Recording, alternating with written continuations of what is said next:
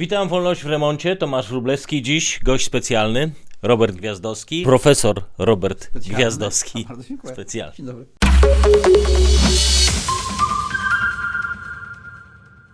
Robert zwykle y, upomina, żeby nie mówić o nim ekonomista.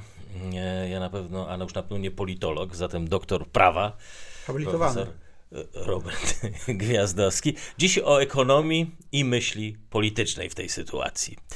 A dokładnie o ideach, które mają konsekwencje. To jest tytuł książki, która wyszła no, hen, hen dawno temu, to był rok 1948, zaraz po y, II wojnie światowej. I jak pisał autor Richard Weaver, idee mają konsekwencje. Używają słów twardych jak kule armatnie te idee z konsekwencjami. Wydawało się, i o tym pisał Weaver, y, że cywilizacja zachodnia, która y, straciła wartości, straciła intelektualne idee, będzie y, szła w końcu schyłku, będzie tak naprawdę będzie musiała poddać się nowemu chaosowi i bezładowi intelektualnemu. Po 1948 roku mieliśmy fantastyczny okres rozkwitu i rozwoju Europy, Stanów Zjednoczonych. Czy dzisiaj, kiedy mówimy o końcu świata wartości, o, albo przewartościowaniu, o powstawaniu nowych, e, niedemokratycznych systemów e, politycznych. Czy znowu może nie przesadzamy? Może te idee jednak mają wartości i czeka nas jeszcze wspaniała przyszłość. Oczywiście, że idee mają konsekwencje, bo idee oddziałują na emocje. A to użyłem ponad wszelką wątpliwość, że David Hume miał rację. Kierujemy się głównie emocjami. Wcześniejszy filozof jeszcze. No dokładnie. To z, e, z tego samego okresu, gdy tworzył Adam Smith, gdy tworzyli liberałowie, bo Hume był takim trochę e, konserwatystą i trochę właśnie liberałem. Więc e, jeżeli idee oddziałują na nasze emocje, a emocje oddziałują na nasze wybory, na nasze zachowanie, no to siłą rzeczy te idee muszą mieć konsekwencje. Natomiast nie ma zgody co do tego, że idee umierają. E, Tylko, że jedne są wypierane przez inne. Więc mamy spór idei, a nie śmierć idei. No właśnie, ale ten y, ruch, y, który nazywano populistycznym, który tak naprawdę jest skierowany przeciwko demokracji, w imię jakichś y, autorytarnych y, systemów, ma burzyć do, ład polityczny i społeczny, który z takim trudem udało się stworzyć i od razu wszystkim nasuwa się, jeżeli burzymy te ostatnie 50 lat pokoju, ład demokratyczny, wolności, ide, instytucji liberalnych, to co czeka nas potem, to powrót do faszyzmu, powrót do dyktatur i wojen. No zacznijmy od tego, że demokracja jest bardzo populistyczna, bo demokracja to rządy większości. A e, jeżeli kierujemy się e, emocjami, no to nad tymi emocjami, i to nie zawsze, potrafi zapanować mniejszość. Większość nie potrafi. Więc trzeba by było powiedzieć, że demokracja jest populistyczna. Jakbyśmy czytali starych filozofów, ekonomiści tego nie robią, ale prawnicy owszem, mają taki przedmiot nawet na studiach e, Platona, Arystotelesa, to byśmy wiedzieli, jakie są nieuchronne konsekwencje demokracji, zwłaszcza takiej demokracji, w jakiej my żyjemy przez ostatnie lata. E, To jest system, który świetnie sprzyja e, działaniu na emocje, e, oddziaływaniu na tych, którzy potem idą głosować. A oni głosują kierując się emocjami. W związku z tym to nie jest tak, że demokracja pada. Wbre, wręcz przeciwnie, to demokracja pod tym względem się umacnia. Tylko pytanie, czy demokracja w takim wymiarze, w takiej formie, w jakiej funkcjonowała ostatnio, jest tym e, rzeczywiście najlepszym ustrojem politycznym. E, No, Churchill mówił, że to bardzo zły ustrój, tylko najlepszy z tych, które wymyślono. No właśnie, ale, wymyślono- ale pamiętajmy o jednym. Gdy zakładano Stany Zjednoczone, to ojcowie założyciele nie odwoływali się do Aten. Oni odwoływali się do Rzymu, do republikańskiego Rzymu. W trakcie e, konwentu konstytucyjnego częściej cytowali Cycerona niż e, filozofów greckich. To ma pewną swoją wymowę. Demokracja bez żadnych mechanizmów ograniczających e, prawa większości powoduje, że tak samo mogą być łamane prawa mniejszości, jak i w systemie niedemokratycznym, w systemie dyktatorskim. No właśnie, bo y, takim gwarantem funkcjonowania demokracji, to co udało się wypracować w ostatnich latach, były te instytucje demokratyczne. Instytucje, które starały, stały, stoją na straży naszych wolności obywatelskich, y, równości wymiany handlowej, ochrony mniejszości, nieważne, seksualnych, płciowych, rasowych. No i dziś mamy ruch populistyczny, nie wiem czy to nazwać ustrojem politycznym, ten jak mówisz demokratyczny, który podważa y, same instytucje, zarówno y, wewnątrz państw, jak i ponadnarodowe. ONZ, Unia Europejska, Donald Trump walczący z ONZ-em i jego rozmaitymi przybudówkami. Łatwo im to idzie, bo moim zdaniem te instytucje są fasadowe. Co z tego, że one są, jak one źle funkcjonują? Co widzimy doskonale w naszym kraju? Ja jako prawnik, praktykujący adwokat, ciągle podawałem przykład e, sądownictwa, zwłaszcza administracyjnego. No bo jak idziemy do sądu cywilnego, to spieramy się między sobą. E, Jak ktoś wygrywa, to ktoś przegrywa. Ten przegrywający jest niezadowolony. Natomiast w sądach administracyjnych my zmierzamy się z państwem. No i to, w jaki sposób nas traktuje państwo, Czyli bo przecież sądy, bo przecież tak? sądy to też państwo, pokazuje, że coś jest nie tak z tymi instytucjami. No, lepszy przykład z... No nie tak jest z instytucjami sądowymi, bo pu- PiS, jak rozumiem, zaburzył praworządność i zniszczył możliwość albo niezależność sądową, tak? PiS przede wszystkim nic nie zrobił z sądownictwem, poza tym, że próbuje przejąć to sądownictwo. Bo e, tak to niestety wygląda. Problem polega na tym, że e, sądy sędziowie przez lata sami się podkładali. Ja mam taki przykład e, z niedalekiej przeszłości. Otóż w sprawie e, idiotycznej z punktu widzenia funkcjonowania państwa, tak? czyli w sprawie postawienia człowiekowi zarzutów karnych, karnych za to, że nie złożył do Urzędu Skarbowego oświadczenia, że nie zamierza zapłacić podatku, z płacenia którego został przez ustawę zwolniony. Ten zarzut karny postawiono mu Ulga meldunkowa. Tak, to słynna jest- ulga meldunkowa. Ten zarzut karny postawiono mu tylko i wyłącznie dlatego, żeby przerwać, e, zawiesić bieg przedawnienia po to, żeby można dłużej było wydawać mu decyzję. Tak? I ściągać potem E, większe odsetki. i, i ściągnąć podatek. E, No i proszę sobie wyobrazić, że pod sądem protestowali wówczas ci, którzy bronili sądów, a profesora przyszli bronić e, inni, którzy stali się ofiarami ulgi meldunkowej. No i była wymiana zdań między nimi. Wy jesteście tu, bo wy nigdy nie byliście tam. E, Sądy potrafią wydawać bzdurne wyroki, e, zwłaszcza te administracyjne, i nie ma instytucji, która mogłaby to w jakikolwiek sposób weryfikować. Przecież dzisiejsze działania, mówiące o tym, że e, będziemy mieli tą Izbę Nadzwyczajną do skargi nadzwyczajnej w Sądzie Najwyższym, to jest generalnie rzecz biorąc w każdym systemie, w każdym porządku prawnym Rzymu sięgając, absurd jakiś, tak? E, No ale mimo wszystko ci wszyscy ludzie, którzy byli pokrzywdzeni ich zdaniem niesprawiedliwymi wyrokami, mówią, no, to teraz może jednak jakaś sprawiedliwość zapanuje.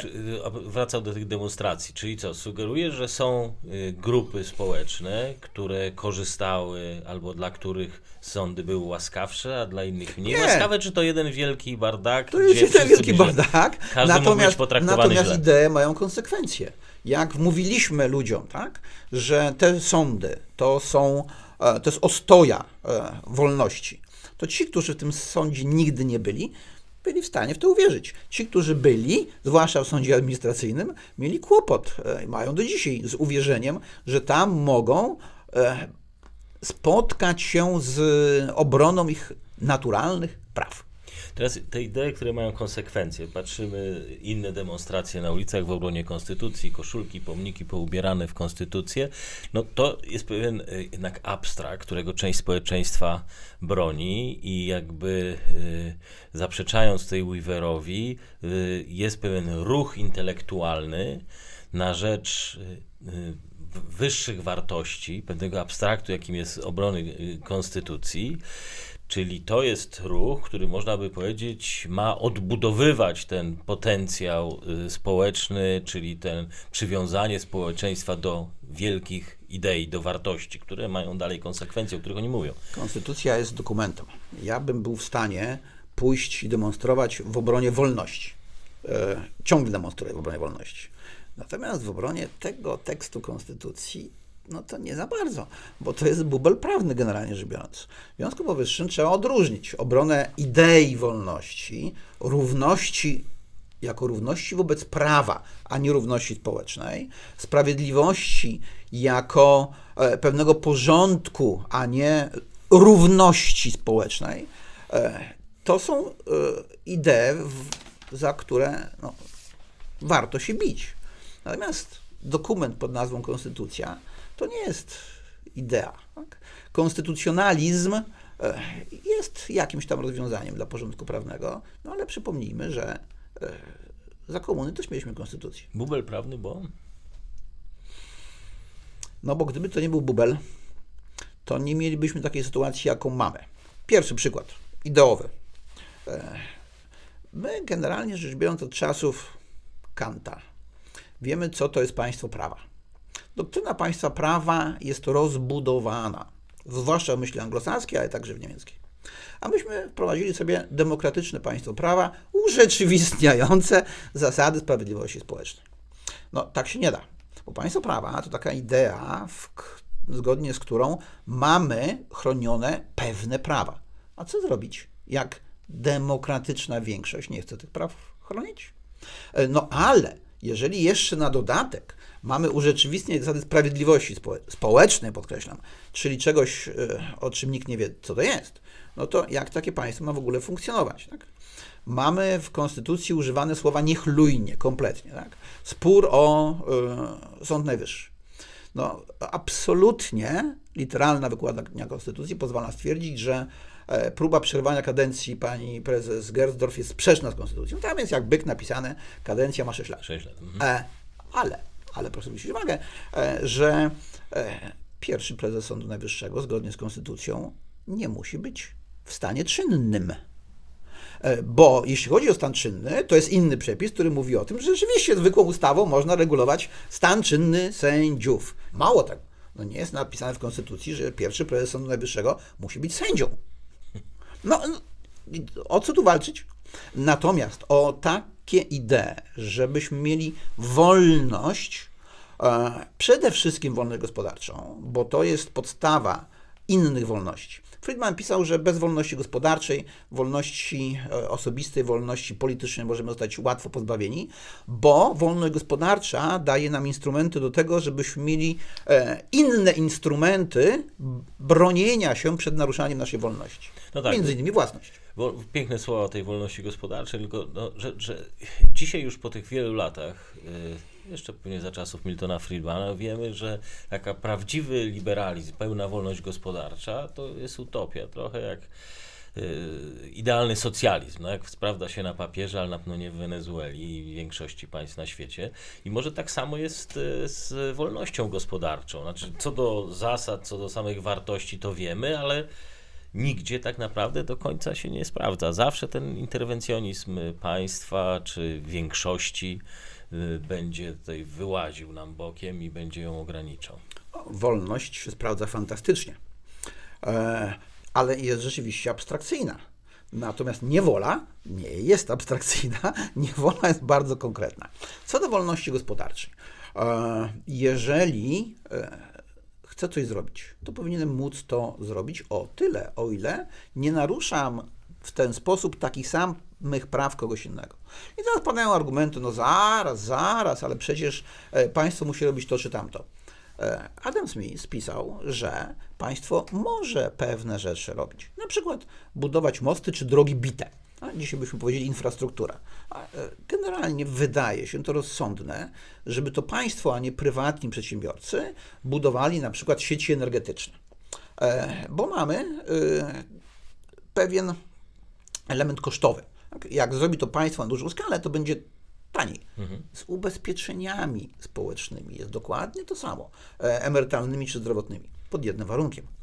Że kierujemy się tylko i wyłącznie rachunkiem ekonomicznym, a nie układami, układzikami, e, które prowadzą do różnego rodzaju korupcji przy zamówieniach publicznych i tak i tym podobne. Gdybyśmy mieli idealny model, to w tych dużych przedsięwzięciach rzeczywiście by się to przydało, ale, ale e, ja bym mógł ewentualnie z sąsiadami, wykorzystując swoją wolność ich, dojść do wniosku, dobrze, sąsiedzi, trzepniemy sobie tutaj wiatrak. Tam na końcu naszej dróżki jest taka działka, e, pójdziemy do właściciela, kupimy, postawimy sobie wiatrak. I jakbyśmy chcieli. Nie możemy. Państwo nam zabroni. E, Oczywiście państwo zabrania, a potem znowu prosi, żeby stawiać wiatraki, kiedy energia rośnie w cenach i trzeba ją importować z Niemiec. Natomiast y, y, te, taki pomysł państwowy, który się pojawia teraz i ekonomicznie może rzeczywiście słuszny, jeżeli uważamy, że agres jest za drogi w sklepach w stosunku do tego, ile płaci się rolnikowi, stwórzmy państwową agencję, która będzie i skupować, i przewozić, i I zamrażać. dżem, i potem- dżem robić. No już, i sprzedawać. już, już była. Już była, tylko dżemu wtedy nie było. Ale ekonomicznie to ma sens, prawda? No to E, No nie ma. nie ma. Nie ma sensu najmniejszego, dlatego że na każdym etapie coś kosztuje i coś trzeba dołożyć. Jest bardzo prosty sposób na to, żeby wzrosły ceny agrestu. Produkować mniej agrestu. W związku powyższym, to jest, to jest właśnie urok kapitalizmu. Tak? My się przyglądamy, gdzie tu można zarobić. Mówię, o, na agreście można zarobić. W związku powyższym sadzimy krzaki tego agrestu. No ale jak posadzimy za dużo, no to tego agrestu będzie więcej. W związku powyższym ceny tego agrestu spadną. No, ale Normalne. wszystkie produkty normalne. nagle w ceny związku, po, spadają, w związku powyższym przyjęcie takiego założenia, że jest ktoś, kto wie, ile tego agrestu powinniśmy zasadzić, tak? E, ile powinniśmy go zebrać, ile zostawić na krzakach, e, ile e, przerobić na dżem, a ile może zamrozić. Załóżmy, że kapitalizm jest w stanie idealnie wypracować e, ceny agrestu. Może jeżeli cała Skąd? żywność, Nie jest w stanie wypracować idealnie. no zmusić wszystkie podmioty do dostosowywania się No, do ale- rynku ale- i w ten ale sposób, kapitalizm- żeby wszystkim się opłacał. Kapitalizm nie jest idealnym ustrojem. Kapitalizm jest bardzo złym ustrojem, tylko najlepszym z możliwych. Więc ja parafrazuję Churchilla nie, na, e, e, nie w powiedzeniu dotyczącym ustroju politycznego do demokracji, tylko ustroju ekonomicznego. Wyrównującego e, Dokła- poziom rynku. dokładnie tak. Ale w tej sytuacji, kiedy wszystkie ceny albo większość cen produktów rolnych spadają, no to mówisz mniej produkować, to może mieć, mieć mniej rolników. No i w tym momencie odzywa się głos większości społecznej, która mówi, no właśnie, to jest ten neokapitalizm, czy tam neoliberalizm, co my go nazywamy. Neoliberalizm, który kojarzy się w tej chwili z wszystkim, co najgorsze. y, Zagranicznym kapitałem, prywatyzacją. Wiesz, e, E, jak ktoś wynalazł maszynę parową, tak, e, wcześniej mechaniczne włókno tkackie, to też można powiedzieć, neoliberał był. Byli tacy luddyści, którzy mówili, zaraz, zaraz, e, te maszyny, to one spowodują, że te nasze przątki, włókniarki robotę stracą. Tymczasem okazało się, że e, przemysł przędzalniczy, włókienniczy, odzieżowy w Wielkiej Brytanii e, zaczął zatrudniać znacznie więcej ludzi. Mój ulubiony przykład to e, koparka. E, jak budowaliśmy kanał augustowski, no to budowano około 10 lat, e, 7 tysięcy robotników łopatami ten kanał budowało. A potem pojawiła się koparka mechaniczna. No, taka jedna koparka mechaniczna zastępowała e, dzienną pracę e, kilkudziesięciu ludzi. No i można było przypuszczać, że ci, co kopali ten kanał augustowski, stracą robotę. Tymczasem ludzie wybudowali kanał Suezki. E, I tam przez 10 lat 70 tysięcy ludzi z tymi koparkami mechanicznymi kopało ten kanał.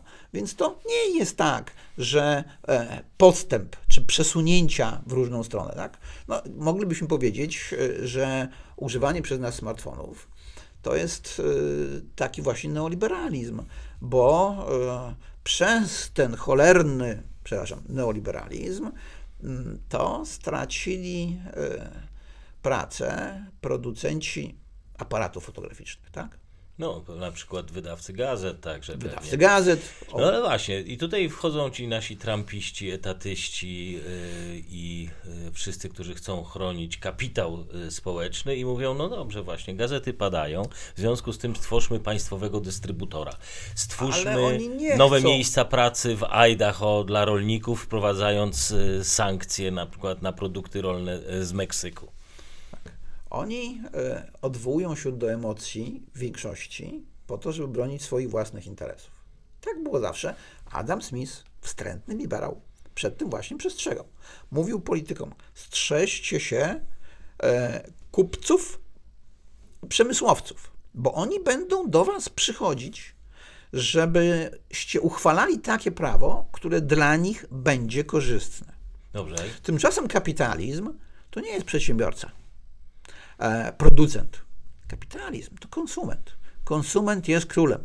Konsument idzie i decyduje, bo swoje pieniądze na coś wydaje. W związku powyższym, to on, jak ten król, rozstrzyga, czy towar kupi, e, za czyją usługę zapłaci, a za czyją nie. No dobrze, a teraz to przekonaj to tych rolników, którzy tracą na sprzedawanie zbyt taniego agrestu.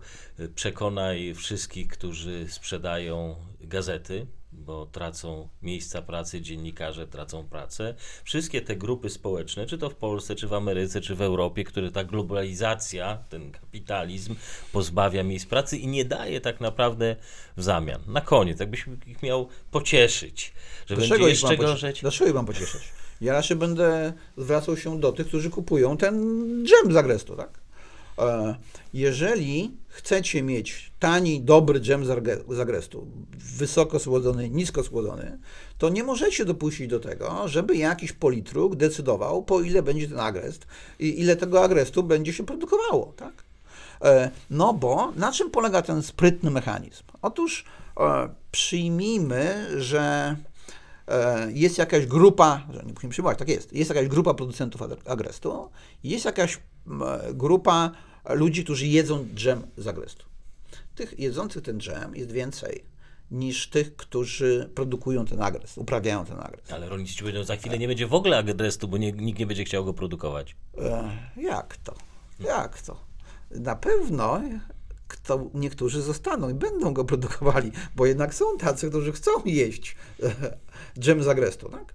Więc nie będą produkowali e, tyle agrestu, ale może przerzucą się na aronię. Znaczy, aronia już jest, tak? Ale można sobie wyobrazić, że są rzeczy, których jeszcze nie ma, e, a warto by było, żeby były. Czyli do producentów, do rolników, plantatorów agrestu już myślcie i zastanawiajcie się, co Dokładnie innego tak. sadzić. Dokładnie tak. Robert, wielkie dzięki. Wolność w remoncie. Głównie o agreście było, ale trochę też tam No, było prawa. Prawo do jedzenia agrestu a, trzeba umieć docenić. e, Zwłaszcza zapamiętają to ci, którzy w e, czasach komunistycznych nie mieli nie tylko dżemu, do wyboru dżemu z agrestu, z porzeczek czy czegoś innego, bo w ogóle nie było. Nawet słoików nie mieli. Nawet nie mieli. Dziękujemy. za- I na zakończenie zapraszam na kolejny odcinek Wolności w remoncie na kanale YouTube Warsaw Enterprise Institute. Wersja audio oczywiście na podcastach iTunes. Dziękuję.